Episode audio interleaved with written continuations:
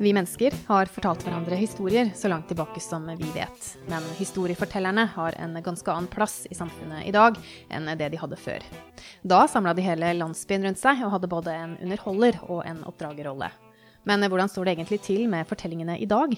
Og hva kan de som holder fortellertradisjonen i live, fortelle oss om det å fortelle? Du hører på Plottet, en fortellerpodkast fra Kulturplott, og jeg heter Lena Gundersby Gravdal. Nå skal du få møte Sara Birgitte Øfsti, scenekunstner, forteller og førstelektor. Eventyret hun skal fortelle, det har en veldig praktisk prins som dukker opp når du trenger ham som mest, samt en fisk med mulig magisk kraft. Men før vi kommer dit, skal vi bli litt kjent med Sara Birgitte, og hvorfor hun elsker fortellinger. Fordi at man ikke kan få førstehånds erfaring med alt mulig, så er det et eller annet med at fortellingen er faktisk nest best da, til å kunne få folk til å få en innsikt eller få skjønne noe som man ikke har skjønt før, eller bare få lov til å oppleve noe da, som man ellers ikke kan oppleve. Og det syns jeg er helt fantastisk, og det er helt fantastisk at man kan gjøre enten i bare med ord eller i tekst eller uh, film. Altså det er jo mange som forteller. For Sara Birgitte er fortellingens kraft det at den tar deg med på noe helt nytt.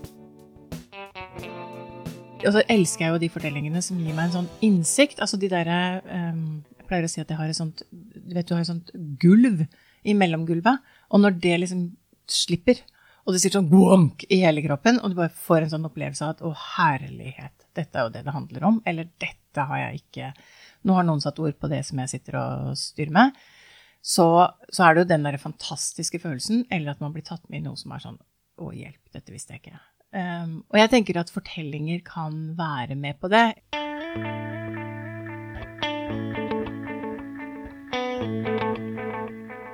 Men selv om Sara Birgitte mest av alt elsker fortellinger, har hun også et ambivalent forhold til dem. Fordi jeg opplever at vi veldig ofte blir opptatt av at de som sitter og hører på, de skal gå ut derfra med litt sånn Jeg har en kollega som kaller det fortellersukket.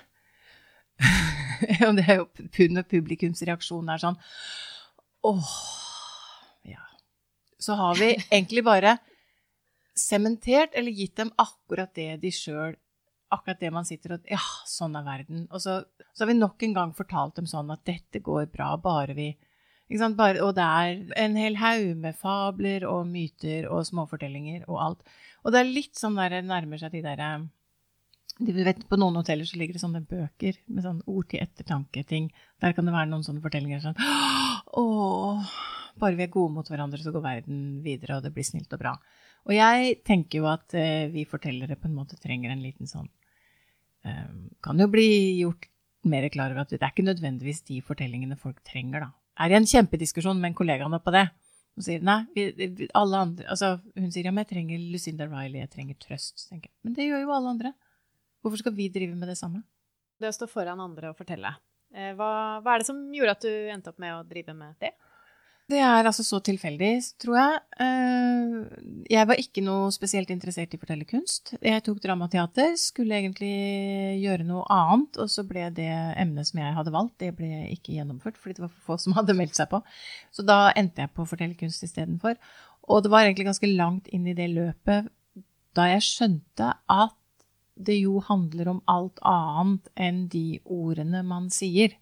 Eh, de ordene som står i teksten, for da jobba vi med folkeeventyr, og jeg syns de var utrolig kjedelige og forutsigbare, og alle vet hva som skjer, og det er bare tre sånn. Og så plutselig så opplevde jeg at den derre undertekst, det å leke med de ordene, leke med publikum, hvordan de tar imot, hvordan vi sier det, hva vi ikke sier, hva man kan legge inn i tonefall, hva man kan legge inn i små hentydninger og sånn, tenkte jeg er veldig gøy. Det var den triggeren som jeg fikk da. Ja. Mm. Kan du klare å sette ord på hva det er ved det å stå og fortelle for den andre som gjør at du har lyst til å fortsette med det? Det er at jeg ser at ved hjelp av ord så kan man tegne opp og skissere og lage noen landskaper som jeg får med folk inn i. Og der inne kan jeg også ved hjelp av de ordene og måten jeg sier det på, eh, så kan jeg faktisk eh, lede og bestemme ganske mye om hva de skal erfare og oppleve akkurat der og da. Um, det er jo en litt farlig tanke òg, fordi at det er veldig mye forføring og manipulering i det. Og jeg tenker at man må være skikkelig klok, eller være veldig, seg veldig bevisst da, på den makta man har.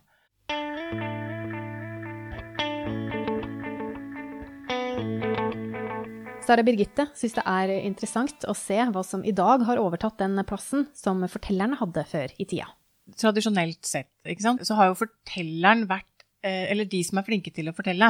Altså, dette er jo liksom langt tilbake, så var det de man samla seg rundt, fordi det var der underholdningen var. Så kom radio, så kom TV, så kom kino og sånn. Og så, jeg, så tenker jeg at de fortellingene vi samler oss om i dag, det er jo ikke rundt den muntlige fortelleren og fortellingen nødvendigvis. For eksempel så tenker jeg at det er interessant med den derre A Place Called Home, som jo er Jeg bare plutselig oppdaga at alle ser på den. Og så er det sånn, hva er dette her for noe? Og det er jo en såpeopera. Altså det er dynastiet liksom i ny innpakning. Men det i den koronatida, det var det folk satte seg ned for å se på. Og det er da, så tenker jeg, det er også en sånn fortelling.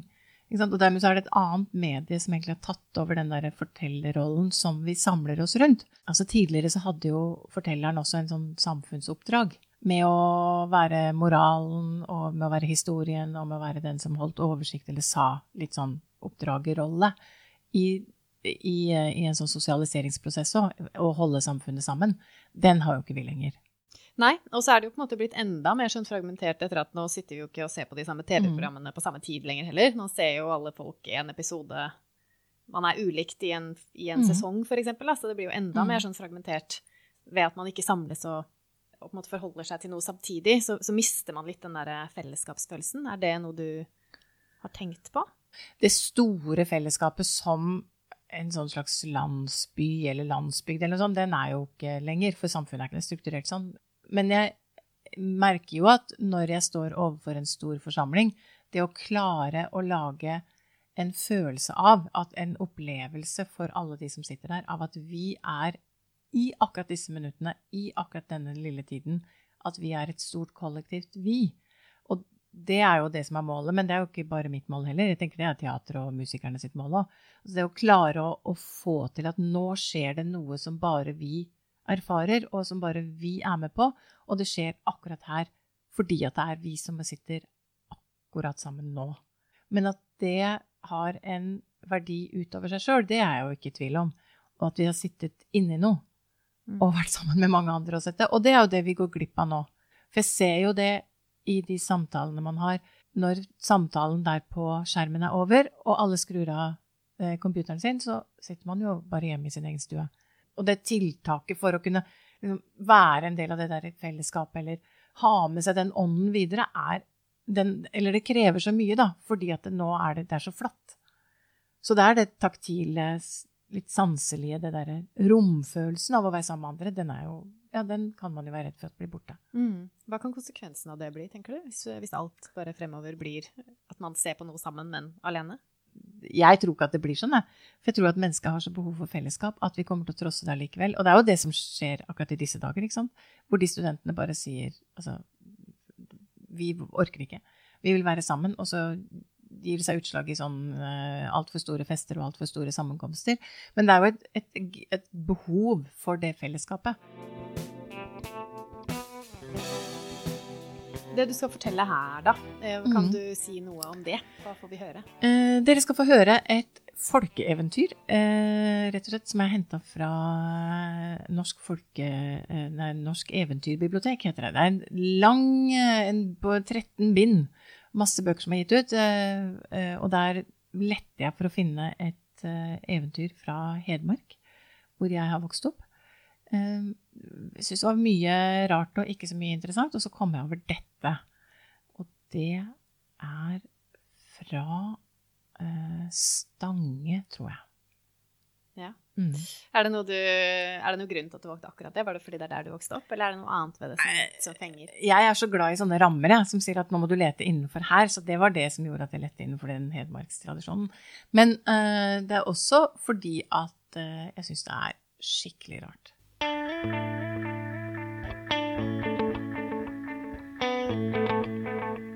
Og her får du et folkeeventyr fra Stange i Hedmark, hentet fra Norsk eventyrbibliotek, fortalt av Sara Birgitte Øfsti.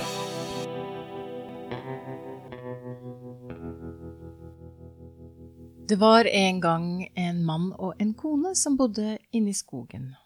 Og der gikk mannen hver eneste dag inn i den skogen for å hugge ved, for han var en vedhugger. Og det var ved hjelp av den veden han solgte, at de livnærte seg. Og de hadde akkurat så mye at de ikke trengte noe mer. Og de hadde det de trengte for å leve godt. Bortsett fra én ting som de savna, og som de så inderlig ønska seg. Og det var et barn. Men årene de gikk, og det kom ikke noe barn. Og så var det en dag, og da var han vedhuggeren blitt ganske gammel, at han gikk ut i skogen med øksa si, sånn som han pleide, kom ut, og plutselig så seg den sorgen over ham, hvor han innså at han nok aldri kom til å få et barn. Satte seg ned på en stubbe, la fra seg den øksa, og selv om han var en voksen og nå gammel mann, så lot han tårene strømme fritt. Og så hørte han plutselig, i buskene ved siden av seg, krisle, krasle, krusle, krisle, krasle. Og så han opp, og der foran ham så sto det ei bitte lita kjerring tulla inn i noen grå sjal og fyller, og hun kom litt sånn bikkete mot han, stilte seg opp rett foran han og sa Å, hva i all verden er det du gråter så fælt for? Jo, sa mannen, jeg må jo gråte, jeg, fordi du skjønner at kona mi og jeg Og så fortalte han henne om sorgen. Åh, er det bare det? sa hun. Eh, Hæ? Bare det? Det er jo Hvis det bare er det at du og kona di ikke kan få barn Kom tilbake i morgen, og så skal jeg gi deg noe som du kan gi til kona di. Og så skal du se det blir barn. og så sitte her og bikke, bikke, bikke og krisle, krasle, krysle, så var hun borte. Og der satt han igjen. Altså lamslått. Eh, var det sånn at her hadde han gått i alle disse åra, og så var det sånn at hun bare kunne komme og si Han holdt på å ta tak i den øksa og løpe hjem til kona si. Men så summa han seg litt, og så tenkte han nei, vent litt. Altså denne som kommer ut fra buskene, uh, bare sier sånn uh, Dette kan jo det kan, Hva hvis jeg blir lurt? Hva hvis jeg blir skikkelig grundig lurt? Jeg kan, jeg kan, ikke, jeg kan ikke dra kona mi inn i dette. Jeg kan ikke få henne. Hun kommer til å glede seg så fælt. Kommer til å bli så skuffa. Han måtte ikke si noen ting. Han tok øksa, lata som ingenting, dro hjem til kona si da hun satt der med middagen og satte den foran ham og spurte hvordan dagen hadde vært, om det hadde skjedd noe spesielt i skogen. Så klarte han å si nei. Da de la seg om kvelden, og hun sa 'håper du har hatt en fin dag', så sa han ja. Og da hun våkna neste morgen og skulle ut i skogen, og hun sa 'håper at det skjer noe fint', så sa han bare 'mm'. Og så klarte han å holde seg helt tett. Han løp rett bort til den stubben, satte seg ned, la fra seg øksa og satte seg til å vente.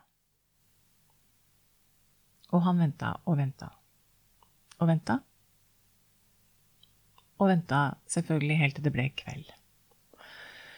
Og så skjønte han at hun kom jo ikke tilbake, og tok øksa da det var krisle, krasle, krusle i buskene ved siden av. Og fram kom hun bikkete gamle kjerringa, tulla inn i disse sjalene og holdt opp foran han og sa Vær så god, denne kan du gi til kona di, så skal du se det blir barn. Og krisle, krasle, krusle, så ble hun borte i buskene, og der satt han. Å, fy søren, han var glad han ikke hadde snakka med kona si, for der satt han med en stekt fisk. Altså, er det noe alle vet, så er det at det ikke blir barn av en stekt fisk. Han skulle til å kaste den fisken da han jo kjente at han var sulten. Og han var en fornuftig mann, så han spiste den fisken før han gikk. Dagene gikk, og det var akkurat som før. Bortsett fra at etter noen uker så fikk han en liten kul på låret som begynte å klø. Og den vokste og vokste og vokste. Den vokste så mye at til slutt så måtte kona lage en ny bukse til han. Et sånn bein som var helt vanlig, og et bein som var skikkelig hvitt oppe. For at han skulle få på seg den buksa i det hele tatt. For den kuren den fortsatte bare å vokse. Den vokste Og etter at det var gått ni måneder, så var han ute i skogen og skulle hogge veden sin da det begynte å røre seg veldig inni den kuren. Han dro ned buksa, og den kuren sprakk åpen, og ut kom en liten jentebaby. Begynte den, og han fikk jo panikk. Ja, men han hadde jo aldri før vært tatt i et lite barn. Han visste ikke hva han skulle gjøre med en sånn en. Så, så han la henne fra seg i lyngen og løp hjem det forteste han kunne. Der fortsatte den jenta å men heldigvis akkurat den dagen så var ørnemor ute og fløy. Og med de skarpe øynene sine og med hørselen sin oppdaga hun den lille jenta, fløy ned og så forsiktig som hun kunne, før noen ville dyr tok tak i henne og begynte å spise på henne, så løfta ørnemor opp den der lille jentebabyen og fløy med henne og la henne i redet sitt mellom de andre ørnungene, bredte ut fingrene sine over alle sammen, og så sovna jenta. Men våkna og var sulten og. Og ørnemor hun fløy ut, helt desperat prøvde å finne noe mat, men den maten som ørnemor kom med, ville jo ikke den jenta ha, så hun. Men heldigvis, akkurat den dagen, så var prinsen fra slottet i nærheten ute og red på hesten sin, og han red rett nedenfor den berget, den derre bergkanten der hvor han hørte og heldigvis så var prinsen en modig ung gutt, så han hoppa av hesten, klatra opp, helt opp til det ørneredet, og der fikk han se den lille jenta. Løfta henne opp, la henne inn under jakka si, tok en belte, og så forsiktig som han kunne, så klatra han ned igjen, satte seg på hesten, og mens han holdt en arm rundt den jenta, red han hjem til slottet. Ga jenta til dronningen, og heldigvis så hadde dronningen hatt barn før, så hun visste hva som skulle gjøres. Så hun fikk gitt den jenta mat. Hun fikk vaska henne, hun fikk lagt henne i en seng, fikk kledd på henne. Og så fikk jenta lov til å vokse opp på det slottet. Og da hun ble så gammel at hun skulle gifte seg, fikk hun gifte seg med han som hun var aller mest glad i. Og det var selvfølgelig prinsen. Og den dagen hun sto brud, så sa hun, Min mor var min far. Min far var en fisk. Min redning var en ørn, og min frelser var en prins. I dag står jeg brud, og en dag skal jeg bli dronning.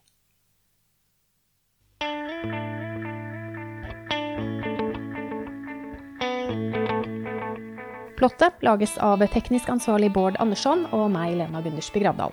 Ansvarlig redaktør for Kulturplott er Magne Lerøe.